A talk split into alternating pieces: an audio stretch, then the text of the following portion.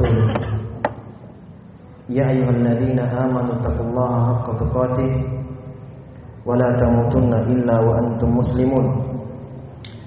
يا أيها الناس اتقوا ربكم الذي خلقكم من نفس واحدة وخلق منها زوجها وبث منهما رجالا كثيرا ونساء واتقوا الله الذي تساءلون به والأرحام إن الله كان عليكم رقيبا. يا أيها الذين آمنوا اتقوا الله وقولوا قولا سديدا. يصلح لكم أعمالكم ويغفر لكم ذنوبكم. ومن يطع الله ورسوله فقد فاز فوزا عظيما. أما بعد أصدق الحديث كتاب الله وخير الهدي هدي محمد صلى الله عليه وسلم. وشر الأمور محدثاتها فإن كل محدثة بدعة وكل بدعة ضلالة. وكل ضلالة في النار الإخوان والأخوات rahimani wa rahimakumullah Kita bersyukur kepada Allah Subhanahu wa taala Alhamdulillah bi ni'matihi tatimmu shalihat Pada sore yang berbahagia ini kembali kita melanjutkan kajian rutin kita dalam mengkaji syarh sunnah penjelasan tentang sunnah tentang akidah yang ditulis oleh Imam Al-Barbahari rahimahullahu taala.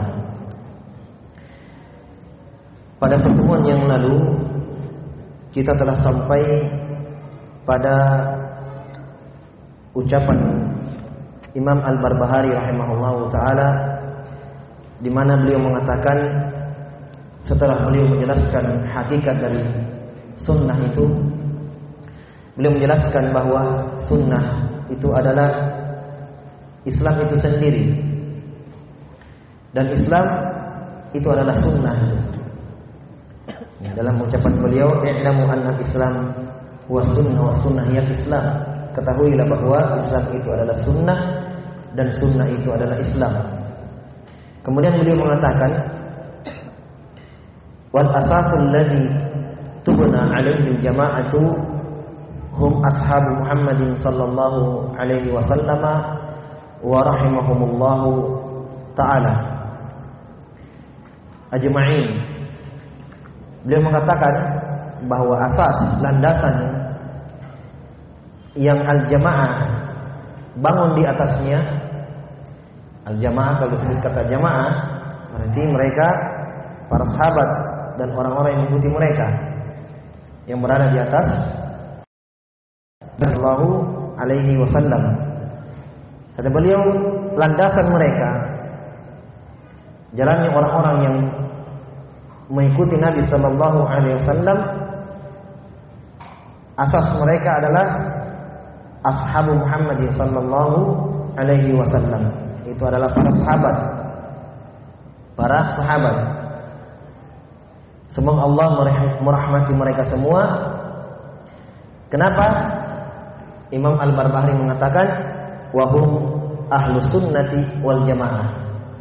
Kenapa? Karena para sahabat itu adalah pengikut sunnah sejati. Ahlu sunnah sejati. Yang mengikuti syariat Nabi Sallallahu Alaihi Wasallam, yang mengikuti petunjuk Nabi Sallallahu Alaihi Wasallam, asyaddu ittiba dengan betul-betul ikutan mereka betul-betul orang yang berpegang teguh dengan sunnah Nabi Sallallahu Alaihi Wasallam. Oleh karena itu Imam Al Barbahari di sini menjelaskan, menyebutkan bahwa asasnya mereka, mereka yang menjadi tolak ukur.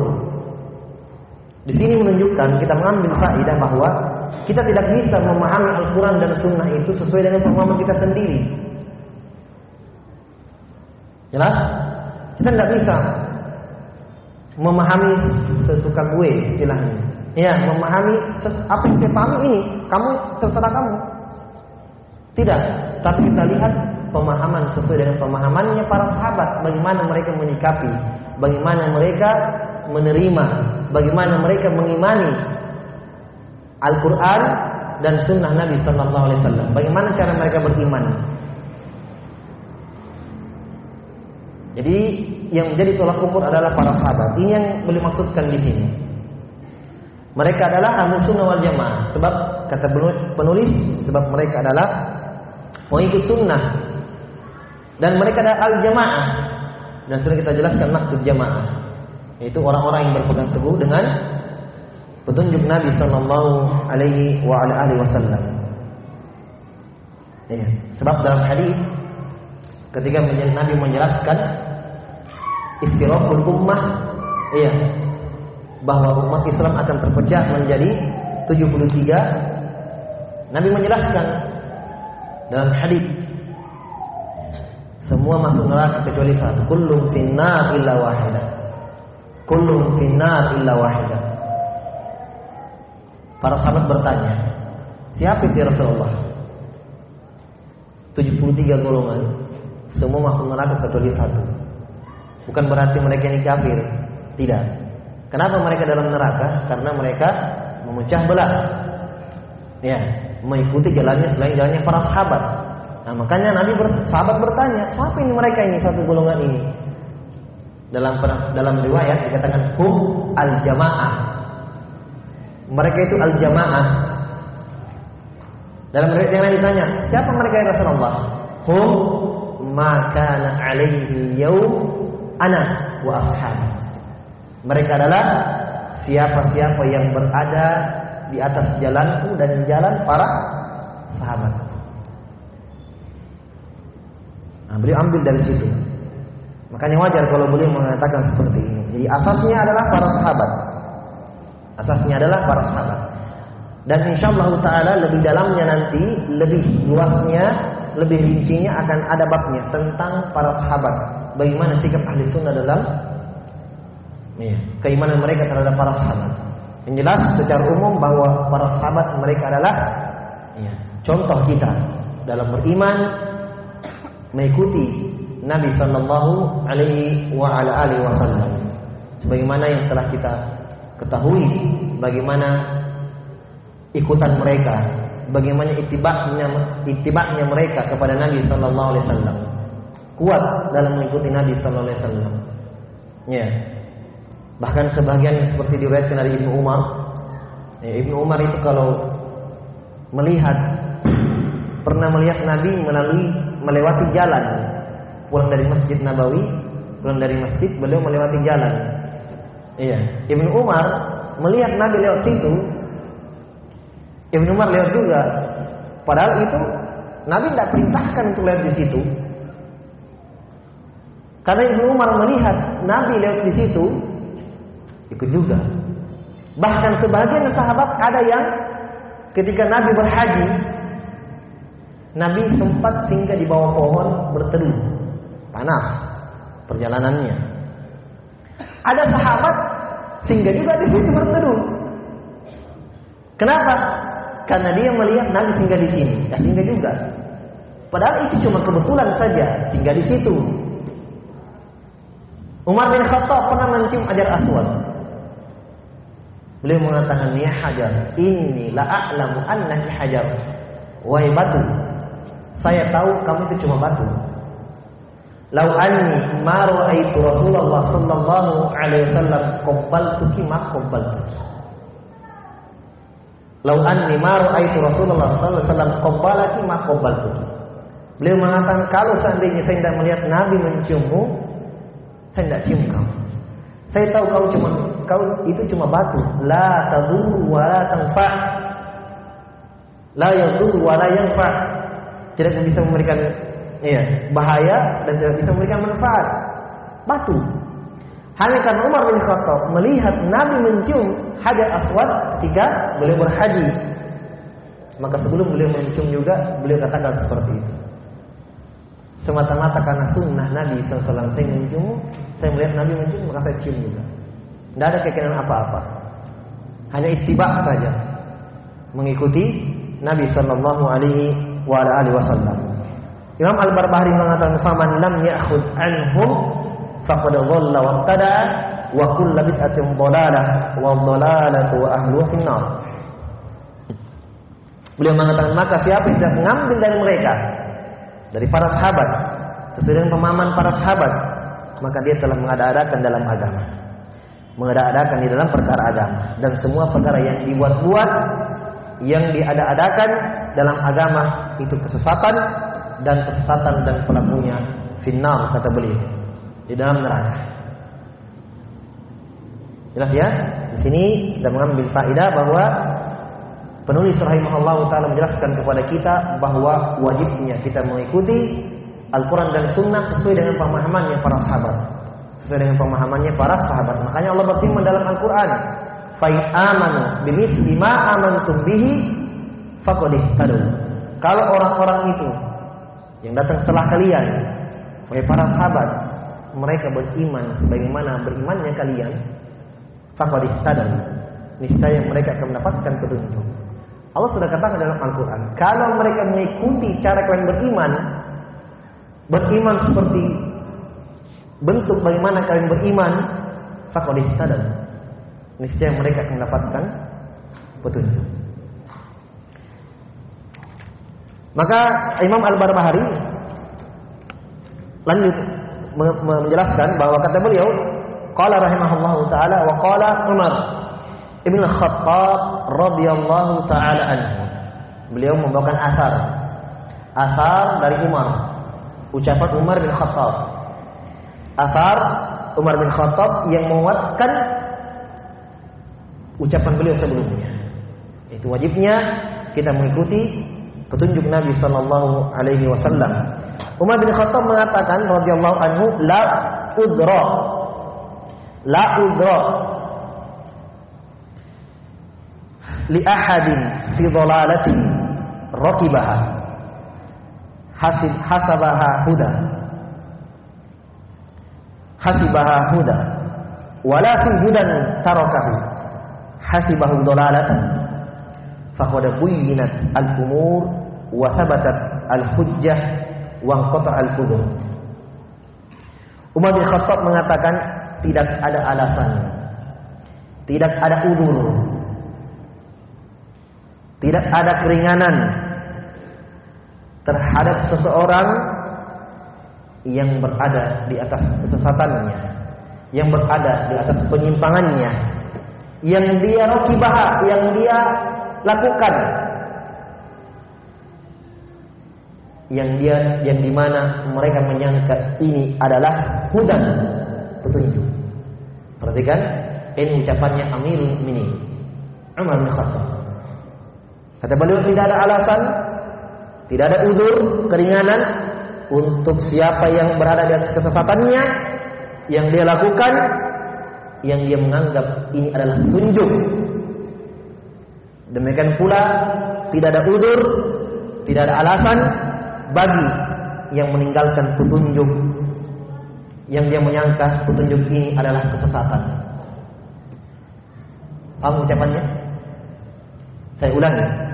Tidak ada alasan, la udra, tidak ada udur untuk seseorang yang berada di atas penyimpangannya, yang di atas kebatilannya, yang dia lakukan, yang di mana dia menganggap kebatilan ini adalah petunjuk. Demikian pula sebaliknya, tidak ada udur bagi orang yang meninggalkan petunjuk Allah Subhanahu wa dan Rasulnya yang di mana dia menganggap itu adalah kesesatan. Jadi tidak ada udur bagi orang yang melaksanakan yang berada di atas kesesatannya, dia menganggap ini petunjuk atau sebaliknya. Orang meninggalkan petunjuk karena dianggap ini salah. Dianggap ini kesesatan, dia tinggalkan petunjuk itu. Oh karena tidak jelas. Saya tidak tahu. Oh, saya kira ini, ternyata itu. Umar bin Khattab mengatakan tidak ada alasan di hadapan Allah Subhanahu wa taala. Kenapa? Lo jelaskan faqad buinatil umur satu. Wa thabatatil hujjah. Dua. Wa qata'al udur terputus udur beliau mengatakan karena perkara-perkara itu qad sudah dijelaskan semua. Yang kedua hujjah telah tegak. Telah ada hujjah. Nabi sudah terutus al udur dan udur sudah hilang. Nggak ada alasan. Di sini Imam Ar-Barbahari rahimahullah taala membawakan ucapan Amirul Mukminin Umar bin Khattab. Perhatikan ucapannya. Beliau mengatakan bahwa tidak ada alasan bagi seorang yang berada di atas kesesatan yang dia lakukan, di atas kekeliruan, kebatilan yang dia lakukan, di mana hasibaha huda, dia menganggap ini petunjuk. Di sini ada isyarat dari Umar bin Khattab bahwa tidaklah seorang melakukan perkara yang diada-adakan, tidaklah seorang mengadakan melakukan perkara-perkara yang tidak disyariatkan oleh Nabi SAW kecuali pasti dan pasti dia menganggap itu adalah petunjuk. petunjuk. Kata Nabi SAW dalam hadis Aisyah, "Man ahdatsa fi amrina hadza ma laysa minna fa huwa raddun." Siapa yang mengadakan perkara baru dalam agama kita kata Nabi SAW, fa huwa raddun, maka itu tertolak. Ada isyarat dari Umar bin Khattab bahwa tidaklah seorang berada di atas kesesatannya, bid'ahnya, perkara yang dia adakan kecuali pasti dan pasti dia menganggap ini adalah benar. Oleh karena itu, Nabi sallallahu alaihi wasallam mengatakan, "Innallaha ijtazzat taubah an sahibi bid'ah hatta yad'aha." Hatta yad'aha. Nabi Shallallahu Alaihi Wasallam mengatakan sungguh Allah menutup pintu taubat bagi orang yang berada di atas kesesatan, berada di atas petunjuknya Nabi Shallallahu Alaihi Wasallam sampai dia meninggalkan perbuatannya. Bukan berarti kalau dia bertaubat Allah tidak menerima taubatnya, tidak. Maksudnya Nabi SAW mengatakan hal tersebut karena mereka sulit untuk bertaubat. Kenapa? karena menganggap ini adalah kebenaran. Ini kebaikan kami yang berumur amal. Ini kan kebaikan zikir. Apa kalian celah kami zikir-zikir berjamaah sampai goyang-goyang kepala? Hah? Zikir ya akhi. Zikir zikir. Saya kasih faedah. Bid'ah bid'ah perkara yang diadakan itu ada dua sebagaimana yang disebutkan oleh Imam Asy-Syafi'i di dalam Al-I'tisam. Imam Asy-Syafi'i dalam Al-I'tisam menjelaskan bahwa perkara yang diadakan dalam agama itu ada dua. Ada namanya bid'ah hakiki, ada namanya bid'ah idhafi. Ada namanya perkara yang diadakan hakiki. Apa sih hakiki? Asli tidak ada asalnya. Asli dibuat-buat. asli dibuat-buat. Tidak ada asalnya sama sekali. Tidak dikenal di kalangan para sahabat, tidak ada di zaman para sahabat. Baru muncul. Jelas ya? Nah ini banyak. Banyak sekali. Iya. Perayaan-perayaan lah. Ah, dianggap ini syariat. Banyak sekali. Hah? Meninggal hari ketujuh ada lagi, 40 ada lagi. Banyak.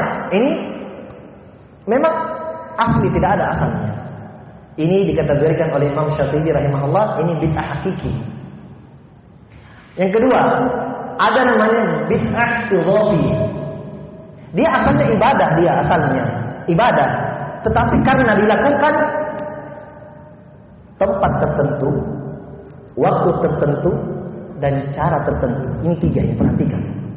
Dikhususkan waktu tertentu, Hah? atau ada yang mengkhususkan dengan cara tertentu. Yang ketiga, dikhususkan tempat tertentu. Waktunya dikhususkan. Asalnya ibadah, ibadah asalnya. Zikir atau yang lainnya, puasa, karena dia khususkan waktunya, ah saya mau puasa khusus hari Jumat. Puasa, puasa ibadah. Dia khususkan. Nabi nggak pernah khususkan hari Jumat. Kalau mau puasa sunnah yang dikhususkan harinya, Senin kami silahkan tafadhol. Senin kami. Nabi mengkhususkan hari di situ. Aisyah mengatakan, karena Nabi sallallahu alaihi wasallam yataharra an siyam yaum wal Khamis. Aisyah mengatakan Nabi Sallallahu Alaihi Wasallam itu tidak pernah meninggalkan berusaha terus melakukan puasa Senin, Kamis. Nah, waktu tertentu. Kalau mau puasa di situ. Pokoknya saya Kamis deh. Ah, Jumat. Jumat. Bukan Kamis, Jumat. Ya. Atau Sabtu, atau Ahad. Tidak contoh dari Nabi. Ah, ini bid'ah apa? Idofi namanya. Asalnya ibadah puasa. Jadi kita tidak mengingkari puasanya, bukan puasanya yang diingkari. Puasa itu ibadah, tapi dia khususkan waktu tertentu. Hah? Yang kedua, dia khususkan tempat tertentu.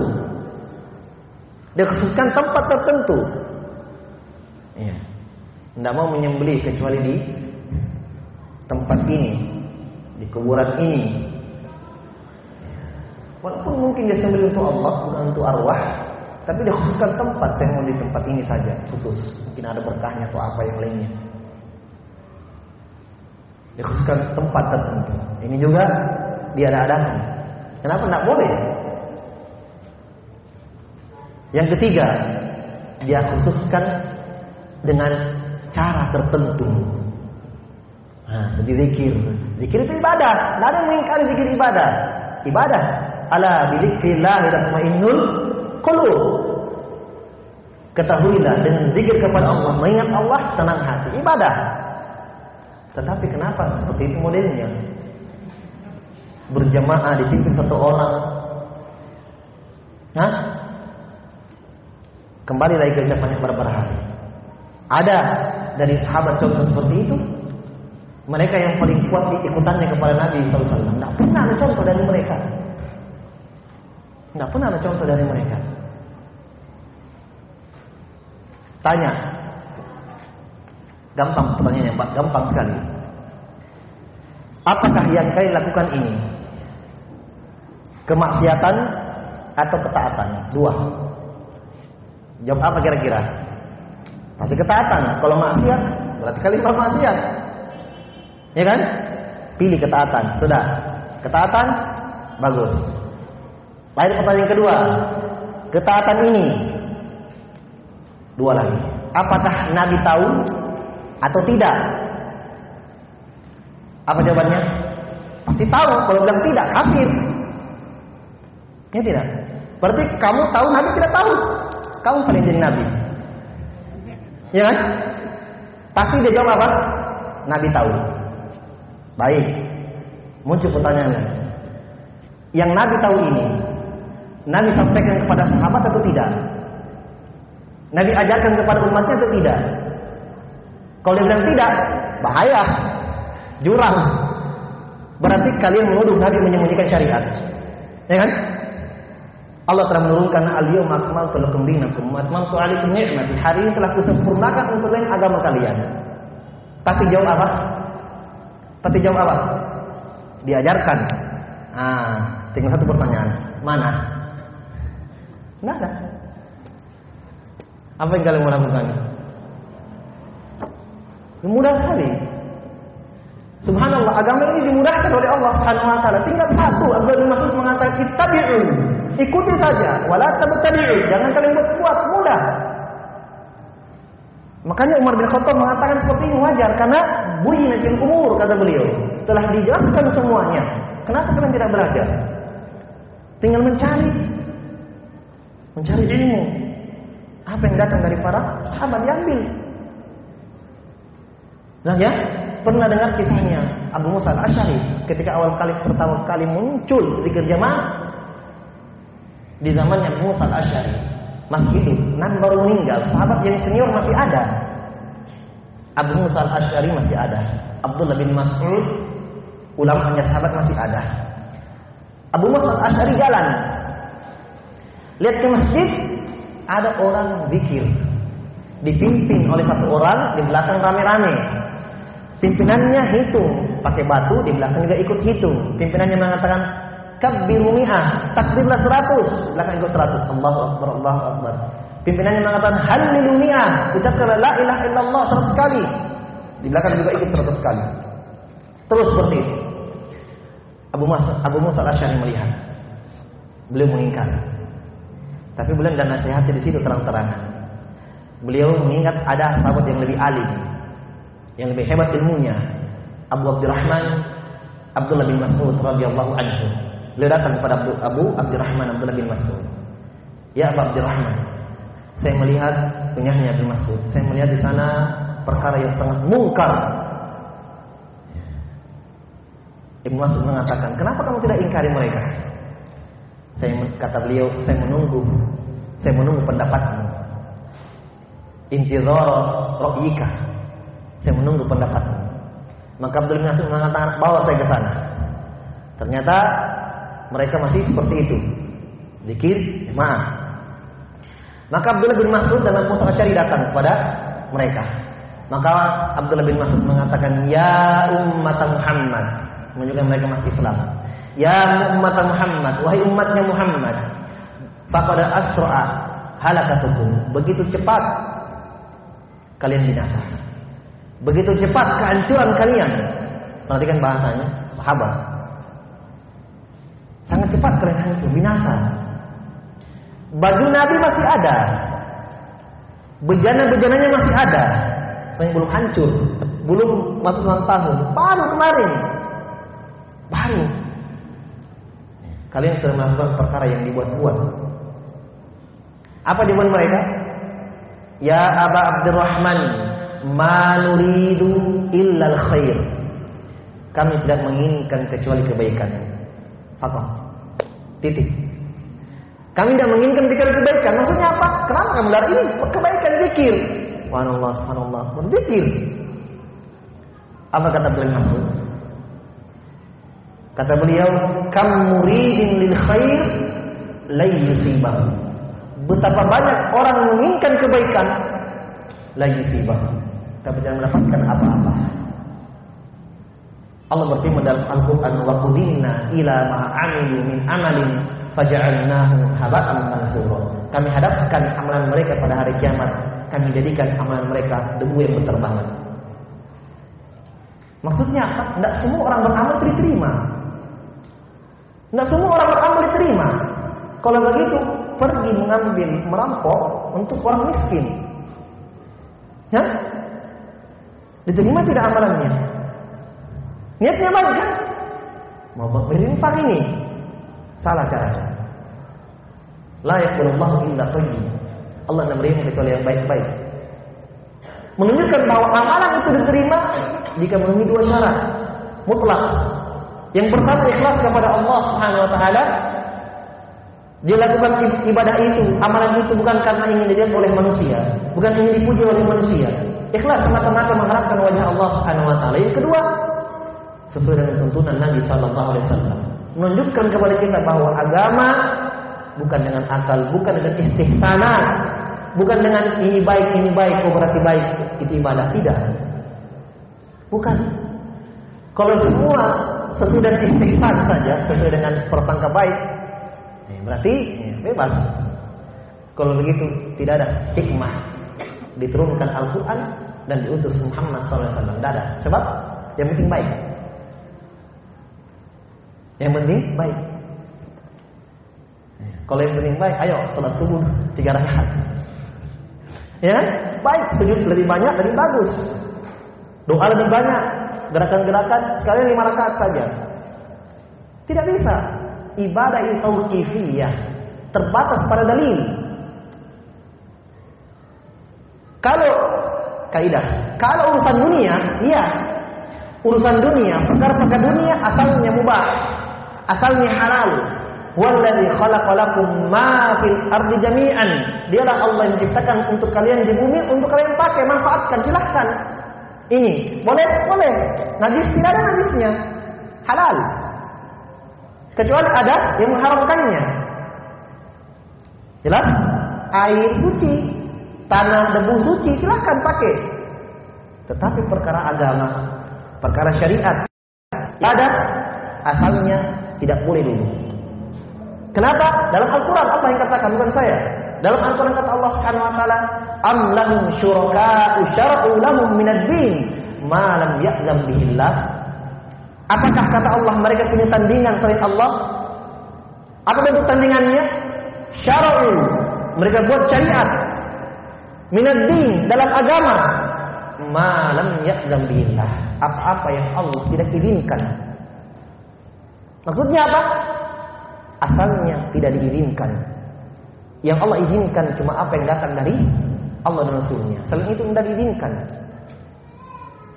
Berarti kalau ada ibadah, lihat dulu, ada tidak dari dalam Al-Quran Sunnah? Kalau ada, diizinkan itu, itulah izin Allah. Paham? Kalau tidak ada, malam ya bihillah. Apa-apa yang Allah tidak izinkan. Berbeda. Telah jelaskan semuanya. Nabi SAW pernah menggaris garis lurus di tangan beliau. Garis lurus. Beliau mengatakan, ya, inilah siratul mustaqim, inilah jalan yang lurus. Kemudian beliau menggaris kanan dan kiri garis itu. Beliau mengatakan ini jalan-jalan selain jalan Allah Subhanahu wa yang di mana masing-masing jalan itu ada syaitan yang menyuruh kepadanya. Kemudian beliau membaca firman Allah Subhanahu wa taala wa anna hadza sirati mustaqiman fattabi'u wa la tattabi'us subula fatafarraqu bikum an sabili. Inilah jalanku yang lurus kata Allah. Ikuti. Jangan kalian mengikuti subul, jalan-jalan yang tadi yang digaris oleh Nabi SAW. Nabi jelaskan di hadapan para sahabat ini. Fatafarraqu bikum an sabili. Kalian akan dipecah, kalian akan terpecah terpisah berselisih dari jalan Allah Subhanahu wa taala. Dalam hadis yang lain Nabi mengatakan taraktukum 'alal bayda. Saya tinggalkan kalian sesuatu yang putih bersih, lailiha kana hariha. Siangnya sama dengan malamnya, malamnya sama dengan siangnya. La yazigu anha ba'di illa halik. Tidak ada yang melepaskan itu setelah saya meninggal kecuali dia binasa. Kecuali dia binasa, kata Nabi Shallallahu Alaihi Wasallam. Oleh karena ini sepakat ulama, sepakat kaum muslimin bahwa wajibnya mengikuti apa yang datang dari Nabi Shallallahu Alaihi Wasallam. Sebagaimana ucapan Imam Syafi'i dalam Ar-Risalah, beliau mengatakan sepakat kaum muslimin bahwa siapa yang jelas baginya petunjuk Allah dan Rasulnya wajib untuk mengikutinya. Kata Imam Syafi'i rahimahullah taala. Jelas ya? Makanya Umar bin Khattab ucapannya sangat tegas bahwa tidak ada alasan kalau begitu. Sebab sudah dijelaskan. Walaupun ya ada yang memberikan uzur. Ada yang memberikan uzur dalam hadis.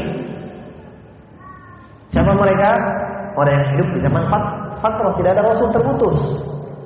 Dalam hadis empat perkara yang mereka ini diuji oleh Allah pada hari kiamat. Mereka berempat ini, empat golongan ini berada di antara surga dan neraka. Siapa empat golongan ini? Yang pertama orang yang hidup di zaman fatrah. Dia di, hidup di mana Rasul tidak ada di situ diutus. Zaman fatrah namanya. Ini dalam hadis dari Imam Ahmad dan sahabat Al Aswad radhiyallahu anhu. Dijelaskan oleh Nabi sallallahu alaihi wasallam. Hidup. Ditanya oleh Allah, kenapa kamu seperti itu? Saya, saya hidup ya Allah dan Rasul terputus. Demikian pula orang yang tuli, asom, kemudian orang yang ahmak, orang yang Kasar bilang orang bodoh. Hah? Orang yang akalnya tidak sampai, tidak bisa, lemah. Ya. Jelas ya? Kemudian orang yang tuli, kemudian orang yang gila dalam riwayat yang lain. Ya. Jelas ya? Ini diberikan udur. Ditanya oleh Allah pada hari kiamat, kalau dia benar menjawab ujian itu, masuk dalam surga. Kalau salah masuk dalam neraka. Tapi yang di sini yang Umar mengatakan tidak ada uzur bagi mereka yang memang sudah jelas petunjuk ada jalan untuk mempelajarinya. Ya, tersebar hadis-hadis Nabi SAW di sekitarnya. Ada orang yang mengajarkan ilmu agama, alhamdulillah. Dia tidak, dia tidak mengambil ilmu tersebut, bergampangan, ya, menganggap remeh. Ini tidak ada uzur bagi dia. Uzur bagi dia. Kata Allah, "Wa ma kunna mu'adzibina wa ma kunna mu'adzibina hatta nab'atha rasulah." Kami tidak akan menyiksa, kami tidak akan mengazab sampai kami utus rasul. Sampai kami utus rasul. Maksudnya apa? Karena rasul sudah terutus, iya. Maka tidak ada lagi alasan di hadapan Allah. Rusulan mubasysyirin wa mundirin li'alla yakuna lin-nasi 'ala Allahi hujjatun ba'da rusul. Kata Allah, kami utus Rasul sebagai mubasysyirin wa pemberi kabar gembira dan pemberi peringatan. Kenapa diutus? agar kata Allah tidak ada lagi alasan ini ini dari Umar agar tidak ada lagi alasan di hadapan Allah untuk manusia pada hari kiamat. Tidak ada lagi alasan. Ya Allah, saya tak tahu. Rasul belum belum menjelaskan ini, tidak ada. Qad buyyinatil umur telah menjelaskan perkara semuanya. Iya. Wa sabatatil hujjah, hujjah telah tegak. Wa qata'al udur, udur alasan itu hilang. Iya. Nabi sudah menyampaikan semua. Nabi akan ditanya pada hari kiamat. Semua Rasul akan ditanya. Kata Allah, "Wa nas'alannal mursalin wa nas'alannal ladzina ursila ilaihim wa nas'alannal mursalin."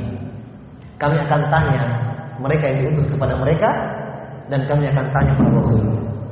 Ditanya ya umatnya, ditanya rasulnya. Kalau umatnya ditanya apa? Mada aja betul mursil. Apa kalian sudah menjawab semuanya para rasul? Rasul ditanya, apakah kamu sudah menyampaikan? Rasul mengatakan di hadapan Allah Subhanahu wa taala para rasul, kami sudah sampaikan. Dan lagi hujah, sudah diutus mereka para rasul. Di khutbah Arafah beliau mengatakan di hadapan kaum muslimin ketika haji. Ya. Beliau mengatakan hal balagtu, apakah saya sudah sampaikan semuanya? Sahabat mengatakan bala qad addaita wa. Kamu sudah tunaikan, engkau sudah sampaikan semuanya. Ya, beliau mengangkat tangannya ke langit seraya berkata, Allahumma syahad, ya Allah, saksikanlah. Apalagi wudhu di hadapan Allah Subhanahu wa taala. Nah, tidak ada wudhu di hadapan Allah. Baik, ini maksud ucapan maksud ucapan Umar bin Khattab radhiyallahu taala. Tidak usah tertipu, tidak usah melihat jumlah banyak orang yang ikut sana, oh ini banyak, ini banyak. Eh, kata ulama, la tastawhish bi qillatis salikin wa la taktar bi kasratil halikin. La tastawhish bi qillatis salikin wa la taktar bi qillati bi wa la taktar bi halikin. Jangan kalian bersedih. Jangan kalian patah hati.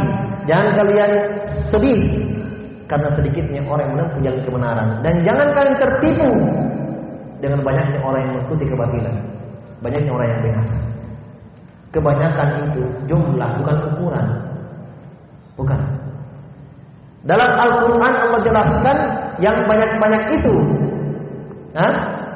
Allah mengatakan wa in tuti' aktsara man fil ard yudilluka an sabilillah. Wahai Muhammad kalau kamu mengikuti kebanyakan manusia di muka bumi yudilluka an sabilillah. Mereka akan menyesatkan kamu wahai Muhammad dari jalan Allah. Banyak-banyak. Ayat yang lain, walaqad saddaqa 'alaihim iblis dhannahu fattaba'uhu illa fariqan minal mu'minin. Iblis sudah menyampaikan ya. Mereka membenarkan ucapan iblis. Sungguh Allah sangat tetapkan hal tersebut. Iblis sudah eh, berusaha semaksimal mungkin. Kata Allah Subhanahu wa taala, "Fattaba'u illa fariqan minal mu'minin." Maka mereka pun mengikuti iblis. Illa fariqan, kecuali sedikit minal mu'minin dari orang-orang yang beriman. Sedikit. Dalam hadis Nabi sallallahu alaihi wasallam mengatakan, "Uridat alayyal umam." Pada suatu hari Allah memperlihatkan kepada saya umat. Fara'aitun nabiyya. Fara'aitun nabiyya ma'ahu rajul wa rajulan. Saya melihat ada nabi yang di belakangnya cuma satu dan dua orang. Pengikutnya satu dua orang. Wa ra'aitun nabiyya ma'ahu rahat. Saya melihat ada orang, ada nabi yang pengikutnya rahat. Jumlah tiga sampai sembilan. Sedikit. Apakah kita katakan nabi ini salah? Hah? Karena sedikit yang ikut? Tidak. Mereka benar. Nabi Nuh berdakwah berapa tahun? Hah? 950 tahun. Alfa sanatin illa khumsi. Seribu kurang 50 tahun. 950 tahun. Tapi yang ikut di perahu binatang petang pasangan. Istri dan anaknya pun tidak ikut. Apakah kita katakan Nabi Nuh salah? Tidak. Menunjukkan bahwa kebenaran itu diukur dengan dalil Al-Quran dan Sunnah Nabi SAW, bukan dengan jumlah, bukan dengan jumlah. Imam Al-Barbahari mengatakan wadalika. Beliau mengomentari sedikit ucapan Umar bin Khattab. Kata beliau wadalika anna sunnata wal jama'ata qad ahkama amru dini kullahu wa tabayyana lin-nasi fa'ala nasi al-ittiba. Imam Al-Barbahari mengatakan kenapa seperti itu? Karena sunnah itu syariat Nabi sallallahu alaihi wasallam dan al-jamaah dan mereka para sahabat ya qad ahkama sudah menjelaskan semuanya amrudin kullah perkara agama semua kata beliau wa tabayyana linnas wa tabayyana linnas dan manusia sudah jelas untuk mereka ya jadi tidak ada dalam agama ini yang gelap yang tidak jelas yang membuat tidak jelas mereka sendiri yang tidak mau belajar Padahal agama itu jelas. Terang semua.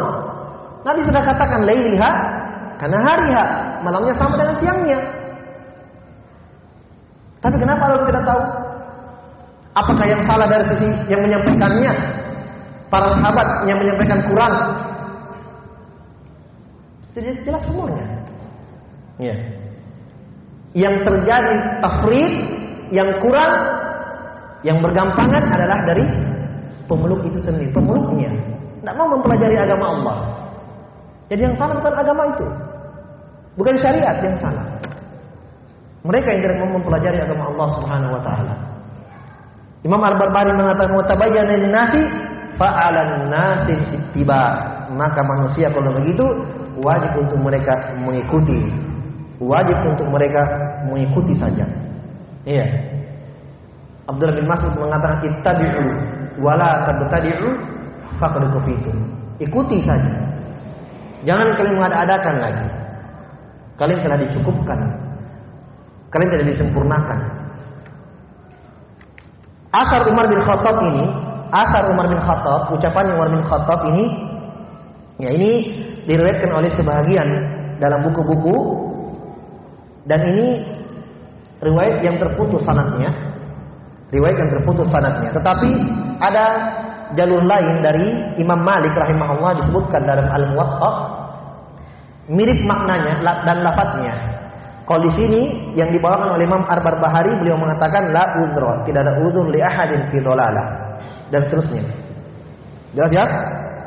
Yang sahih yaitu dalam Al-Muwatta Imam Malik dikeluarkan oleh Imam Malik dan sahih dari Umar bin Khattab ya dari Said bin Musayyab rahimahullahu taala tabi'in Beliau mengatakan Umar pernah berhaji, ya, pernah melakukan haji di Arafah. Beliau mengangkat tangannya ke atas langit dan berdoa, "Ya Allah, umurku telah tua. Umurku telah tua." Iya. Dan saya sudah melakukan amanahnya. Iya. Keturunannya sudah sudah ada Kemudian beliau mengatakan, Ya Allah, kalau engkau mewafatkan saya, wafatkanlah saya di atas kebenaran. Kemudian beliau berdiri berkhutbah di depan manusia di Madinah. Pulang dari haji sampai ke Madinah, beliau berkhutbah di depan manusia. Mengatakan, Ya ayuhan Ini mirip lafaznya. Umar bin Khattab mengatakan, Ya ayuhan nas. Qad buyyinat lakum sunan. Wahai manusia, telah jelas untuk kalian sunnah itu syariat syariat dari Nabi Sallallahu Alaihi Wasallam beliau mengatakan qad buinat lakum as-sunan wa furidat lakumul faraid dan telah diwajibkan atas kalian semua kewajiban-kewajiban. Maksudnya Nabi telah jelaskan semuanya. Apa yang wajib apa yang sunnah ya apa yang haram. Nabi mengatakan dalam sebuah hadis ma min nabiyyin qabli illa kana haqqan alaihi ay yadulla ummatahu min khairi ma ya'lamuhu lahum wa yunzirahum min syarri ma ya'lamu lahum. Nabi katakan dalam hadis bahwa tidak ada nabi sebelumku kecuali wajib atas dia untuk menyampaikan kepada umatnya dari kebaikan yang dia tahu untuk umatnya dan memperingatkan umatnya dari kejelekan, dosa dan maksiat apa yang mereka tahu untuk umatnya. Kata Umar bin Khattab, "Wa furidat lakumul faraid ala illa an tadillu bin yaminan wa shimalan." Beliau katakan bahwa telah diwajibkan semua atas kalian perkara-perkara yang wajib sudah dijelaskan. Perkara-perkara agama sunnah sudah dijelaskan semuanya kecuali perhatikan ucapannya kecuali illa antadillu yaminan wa shimalan kecuali kalau kalian sendiri ha, yang berada yang memilih jalan kekeliruan kebatilan kanan atau kiri. Nah, ini Allah alam ini mungkin yang dimaksud oleh Umar bin oleh Imam Al Barbahari, tetapi lafaz yang disebutkan dalam buku ini, lafaz yang disebutkan dalam buku ini, ini ada kelemahan di dalam riwayatnya, dalam ilmu periwayatan sana. Ya. Tapi kalau digabung dengan lafaz-lafaz yang tadi, yang lafaz yang disebutkan tadi mirip lafaznya, ya kan? Qad buinat lakum sunan telah dijelaskan kepada kalian sunnah. Kalau di sini beliau mengatakan qad buinatil umur telah dijelaskan semua perkara sama. Jadi kalau kita gabung riwayat ini dengan yang disebutkan dalam buku ini Imam Al-Barbahari ya, bisa di, dihasankan, bisa dikuatkan derajatnya. Bisa dikuatkan lafaz ini. Baik. Kita coba dulu ya. Insyaallah kita lanjut pada pertemuan. Allahu a'lam.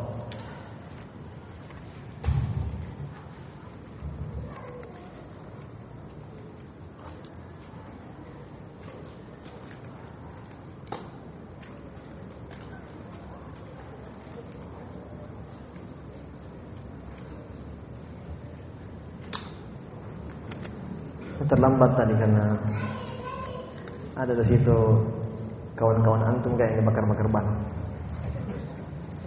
Jadi macet. Hah?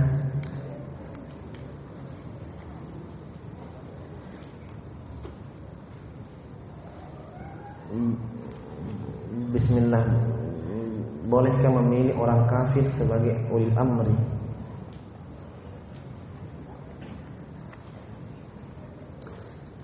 Atau memilih orang kafir? Sebagai ulil amri. Antum jangan tanya yang tidak terjadi lah, yang terjadi terjadi saja.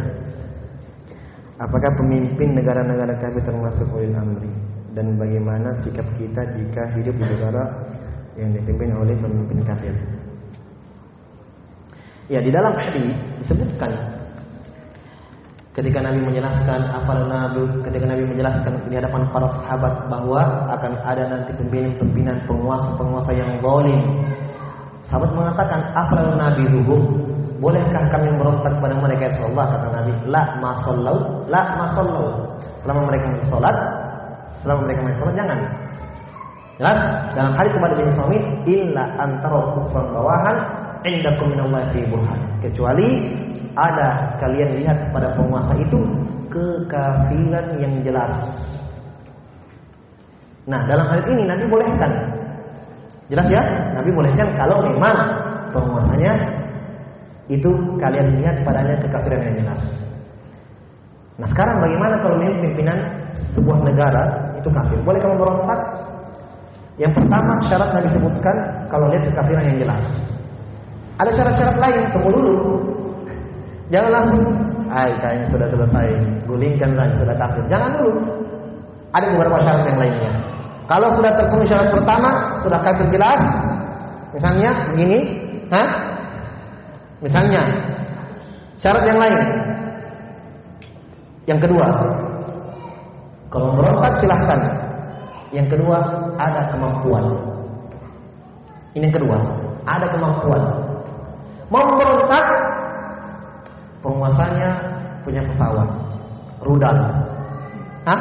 Dia mau beruncing. Nah, itu namanya bunuh diri. Hah? Itu namanya bunuh diri. Kenapa kita katakan begini? Dari ada. para sahabat ketika di Mekah, kenapa Allah tidak wajibkan mereka hijrah? Kenapa Allah mewajibkan mereka berjihad? Mungkin kita tanya, loh kenapa Allah tidak wajibkan mereka berperang? Mati mati syahid. Ya Tapi tidak, Allah tahan. Yang ada perintah untuk apa? Ketika di Mekah 13 tahun, yang ada perintah untuk apa? Hijrah, bukan berperang. Kalau kita berpikir, kenapa Allah tidak perintahkan mereka untuk melawan saja? Hah? Mati syahid kan? Di agama Islam. Belum ada perintah jihad. Kenapa? Lemah mereka sedikit. Abu Bakar, Umar, uh, Abu Bakar, Ali bin Abi Thalib, Abdurrahman bin Auf. Berapa orang tergelintir mau melawan orang-orang jahiliyah kafir musyrikin yang banyak suku Quraisy lagi. Tidak bisa. Yang ada perintah jihad. Allah mengatakan alam tara ilal ladina qila lahum kufu aydiyakum. Tidakkah kalian melihat mereka yang Allah katakan kepada mereka, tahanlah tangan-tangan kalian. Diperintahkan untuk berhijrah. Jadi ini syarat kedua, ada kemampuan. Yang ketiga, tidak ada terjadi mudarat yang lebih besar. Itu tumpahan darah, tidak boleh. Kalau menumpahkan darah, itu mudaratnya lebih besar, tidak boleh. Sabar saja. Ya, ya. Ada syarat lain yang disebutkan. Dia sudah siapkan pemimpinan yang muslim. Sudah siapkan pengganti ya. Yang jelas kalau misalnya syarat yang lain terpenuhi, tidak ada penggantinya. Nanti kalau misalnya ini berhasil digulingkan, kamu mau nanya. Tidak ada pemimpin, hukum hutan, hukum rimba berlaku. Ini syarat-syaratnya sebelum ulama. Kalau yang terpenuhi, silakan. Syarat pertama saja sudah tidak bisa. Muslim, alhamdulillah, muslim, alhamdulillah. Apa lagi? Memberontak. Nabi mengatakan kepada khala ribat Islam min unqi. Dia telah melepaskan rantai Islam dari lehernya. Keluar dari ketaatan kepada penguasa. Haram. Mencabut ketaatan dari penguasa haram. Menurut kesepakatan kaum muslimin para ulama. Berdasarkan dengan Al-Quran, berdasarkan dengan Al-Quran dan Sunnah dan kesepakatan para ulama. Tidak boleh. Nabi merintah kita bersabar, bersabar, bersabar. Bukan karena Nabi bukan karena Nabi SAW membiarkan kita didolimi. Ingat, Nabi itu lebih menyayangi kita daripada kita menyayangi diri sendiri. Tidak mungkin Nabi membiarkan kita di atas kejelekan. Tapi Nabi memerintahkan kita untuk bersabar di atas penguasa yang zalim itu karena untuk kebaikan semua. Nabi melihat, mengetahui kalau merontak ini mudarat lebih besar. Bagaimana dengan menasihati orang yang masih orang tua yang masih berbuat kesyirikan? Hadana Allah wa iyana, hadana Allah wa iyahu ajma'in. Semoga kita Allah memberikan kepada kita semua hidayah dan taufiknya.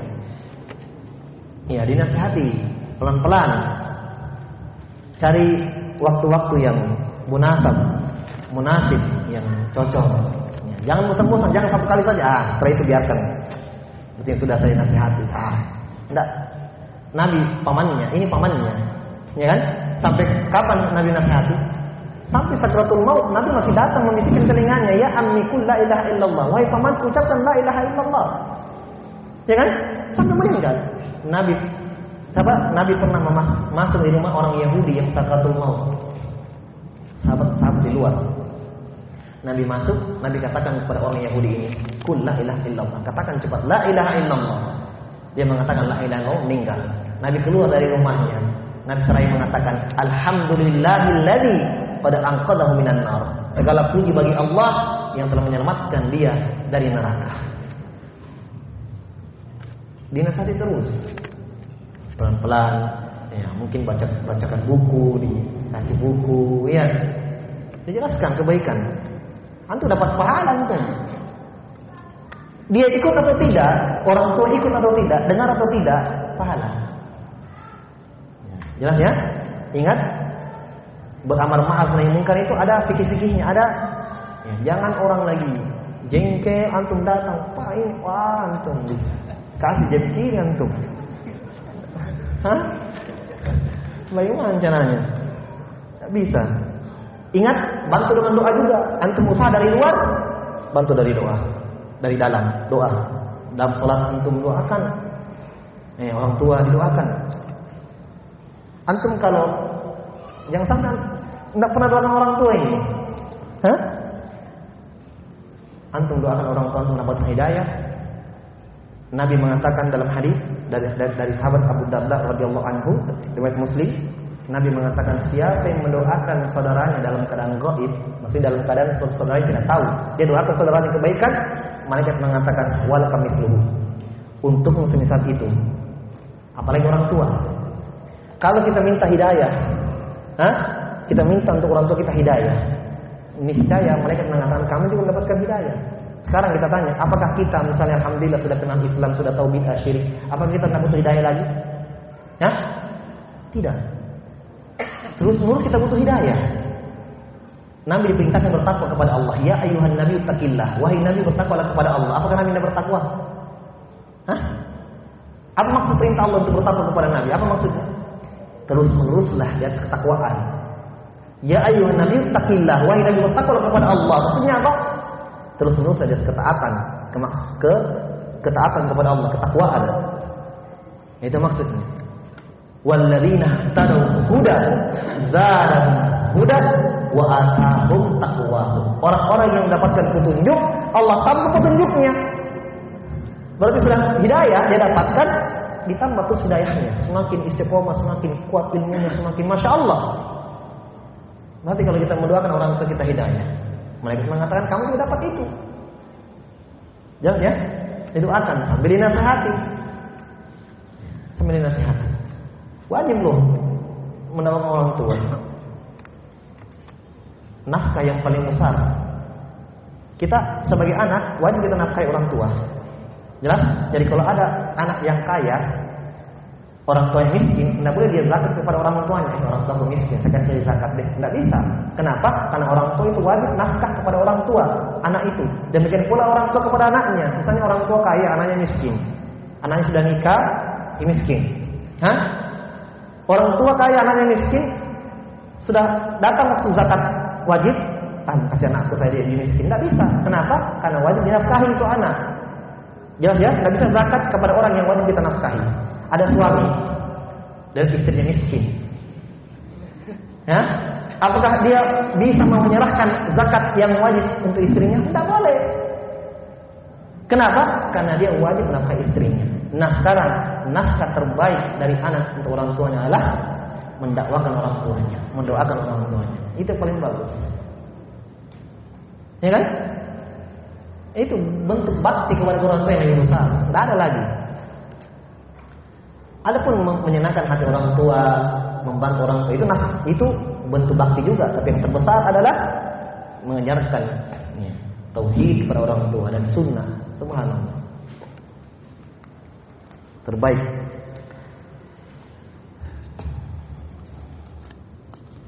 Kayaknya saya cepat berhenti karena satu antum yang pertanyaannya banyak sekali.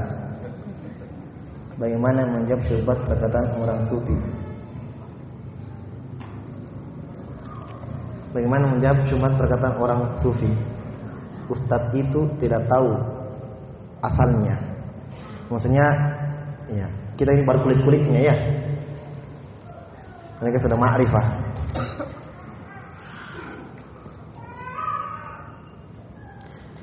Ini tidak boleh ya.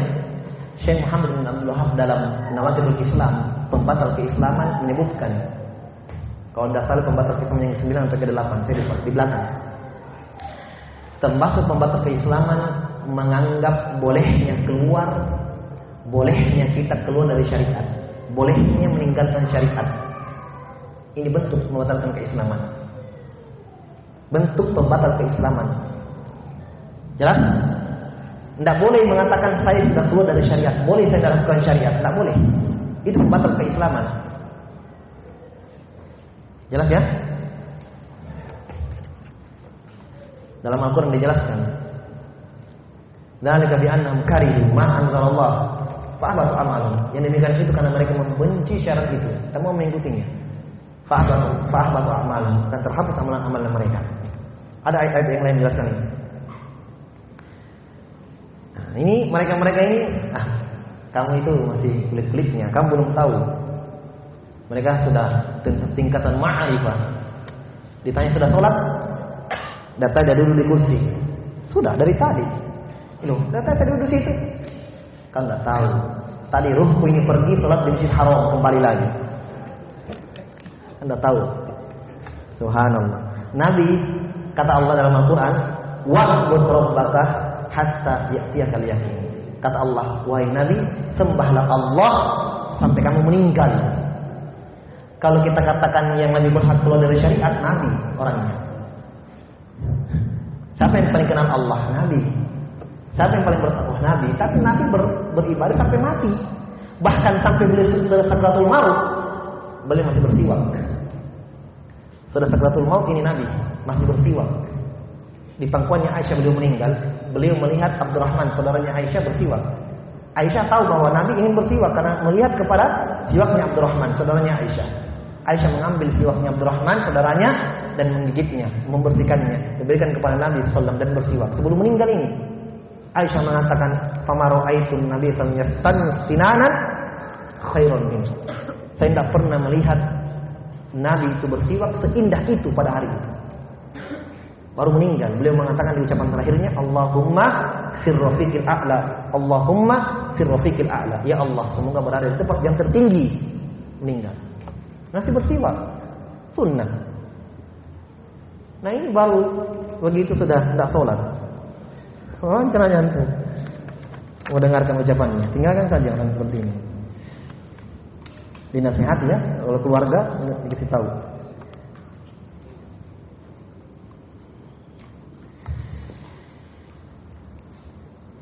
Amin.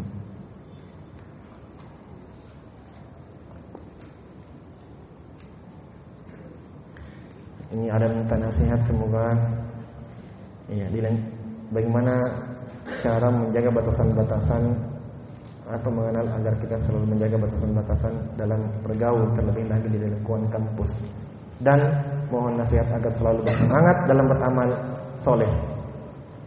Masya Allah. Agar selalu beramal istiqomah di amalan, ya, yang intinya memperbanyak doa kepada Allah Subhanahu wa taala. Sebab Nabi juga sering berdoa. Ya muqallibal qulub sabit qalbi ala taati ya ya Allah engkau yang membolak-balikan hati kuatkanlah hatiku di atas agamamu. Ini yang paling pertama. Berdoa terus. Kemudian ya hadiri majelis-majelis ilmu. Ya, sebab dengan itu menenangkan hati juga. Ala bidzikrillah tatmainnul qulub. Dengan mengingat Allah itu tenang hati itu. Dan tempat mengingat Allah khusyuk beribadah ketika berada di majelis ilmu. Ya mempelajari agama Allah Subhanahu wa taala. Kemudian bergaul dengan orang-orang yang soleh bergaul dengan orang-orang yang selalu mengajak kita kepada kebaikan yang bermanfaat.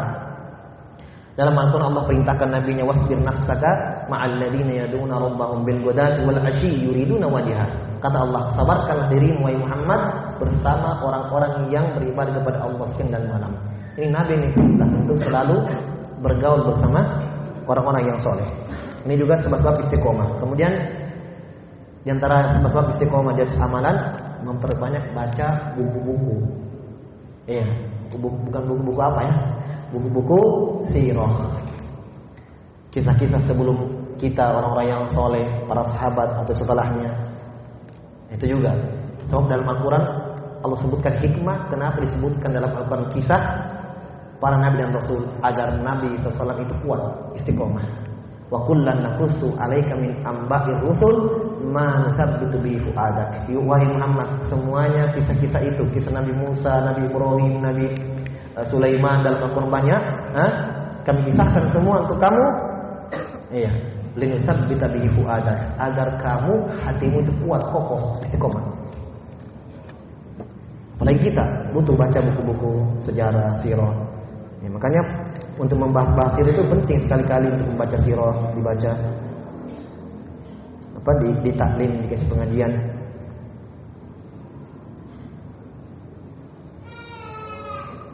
Bagaimana dengan orang tuli? Iya, dalam hadis orang disebutkan al-asam tuli karena tidak dengarkan kebenaran. Ya, makanya diberikan udur. Jelas ya? Diberikan udur dalam hadis. Tetapi ulama mengatakan kalau memang ini tuli dari uh, apa umurnya misalnya tua baru dia tuli, nah ini tidak dilihat dari mudanya ini sebelum tuli ikut agama tidak, taat tidak dia, jelas ya, tidak ada udur. Ketika ini yang sebelumnya ini gimana ini? Hah, habis umurnya. Mendengarkan agama tidak mau mengikuti.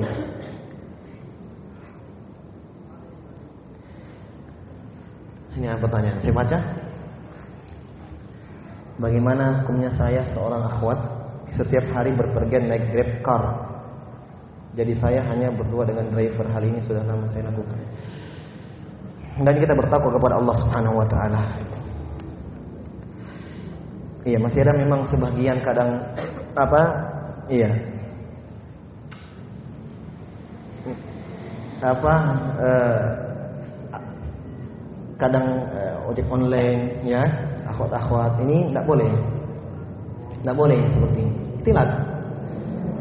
Layak keluar rajul bimra'atin. Jangan laki-laki dan perempuan pergi ikhtilaf campur.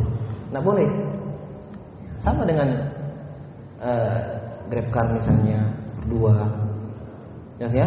Kecuali kalau memang dalam keadaan ya darurat, tidak ada ada kebutuhan yang mendesak, tidak ada yang mengantarnya bisa. Makanya kalau misalnya tidak ada yang mengantar dia atau tidak ada ya cukup di rumah dengarkan rekaman, tidak ada masalah. Jelas ya, tidak ada masalah. Ya. Kan ini yang jomblo-jomblo ini harus selamat cepat ini supaya banyak kebaikan. Hah? Eh, saya sudah datang ke rumah. Terakhir ini ya ada. Ini tentang pernikahan lagi. Saya datang ke rumah akhwatnya dan ketemu langsung kepada orang tuanya dan mengatakan insya Allah akan menikahi anaknya. Alhamdulillah. Akhwatnya kenal sunnah tapi masih bekerja di tempat riba. Masih beristilah bolehkah saya cari? Bolehkah saya cari akhwat yang yang lainnya? Kenapa minta izin sama saya? Tafadhol. Iya. Nabi mengatakan dalam hadis, "Tungkaul mar'atu li arba'ah." Wanita itu dinikahi empat perkara, ya kan? Li jamaliha, wali nasabiha, kemudian wali maliha. Faz bidati din tadi berbicara. Nabi mengatakan, perhatikan ya, ini beda sedikit. Ada yang mengatakan ketika Nabi menyebutkan hadis ini, wanita itu dinikahi karena empat perkara. Bukan berarti ini penyebutan hal yang Nabi anjurkan tidak. Nabi mengatakan wanita itu dinikahi empat perkara. Maksudnya bukan ini yang dilihat. Yang pertama kecantikannya, yang kedua nasabnya dari keturunan mana, Hah? yang ketiga hartanya. Maksudnya Imam Ahmad mengatakan, ulama yang lainnya mengatakan, maksud hadis ini di antara manusia, di antara manusia ada yang menikahi perempuan melihat kecantikannya, ada yang melihat karena keturunannya, ada yang melihat karena hartanya. Nabi katakan kamu fasfar bidatiti cari yang bagus agamanya. Paham ya? Jangan salah paham terhadap itu. Ada sebagian yang memahami begitu. Oh ini berarti boleh karena ini memang wanita dinikahi karena itunya. Kata Nabi, "Fasfar bidatidin." Carilah yang agamanya bagus. Taribat yadak. Kata Nabi sallallahu maka akan beruntung.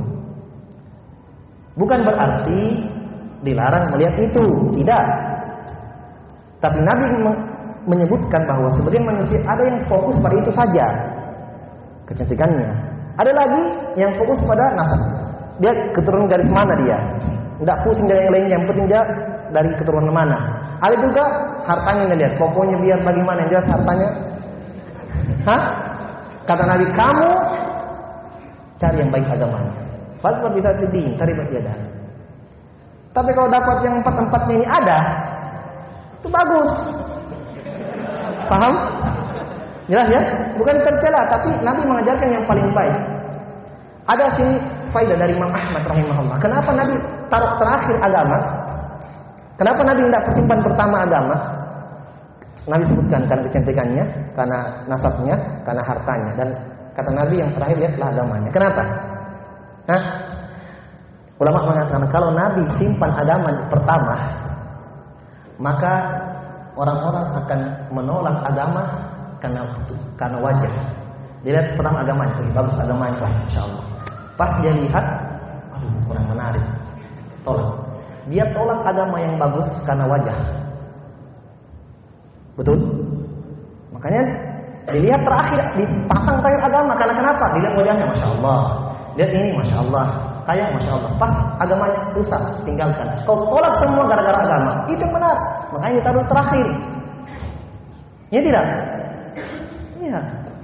Makanya dia disimpan terakhir. Kata Nabi, lihatlah agamanya. Taribat dah. Kalau wajah itu 50 tahun habis. Ya kan? Menua. Agama. Nabi SAW ketika menikahi Ummu Salamah, Ummu Salamah mengatakan, "Ya Rasulullah, tidak ada hajat, tidak ada pendorong untuk engkau menikahi saya. Saya sudah tua ya Rasulullah. Anak saya banyak ya Rasulullah." Maksudnya beliau merasa tidak pantas untuk Nabi. Tidak pantas untuk Nabi. Saya anak saya banyak, saya sudah tua. Tapi Nabi tidak melihat itu. Nabi melihat kecerdasan Ummu Salamah. Dia wanita yang taat kepada Allah Subhanahu wa taala. Ada beberapa ayat yang turun disebabkan karena Ummu Salamah. Nabi nggak peduli yang itu. Bahkan Nabi jawab, kalau anakmu banyak, saya jaga. Kalau kamu sudah tua, saya sudah tua. Apa alasan? Hah? Kalau kamu saya sudah tua. Kalau kamu punya anak banyak, anakmu adalah anakku, kata Nabi. Ahluki ahli. Nggak ada alasan sama untuk menolak Nabi. Sudah nikah. Ini membantah orang-orang yang mengatakan Nabi menikah lebih karena syahwat atau nafsu tidak. Nabi melihat maslahat yang lebih besar, kebaikan yang lebih besar. Allah alam bisawab. Cukup dulu ya. Subhanakallahumma wa bihamdika asyhadu an la ilaha illa anta astaghfiruka wa atubu ilaik. Wa.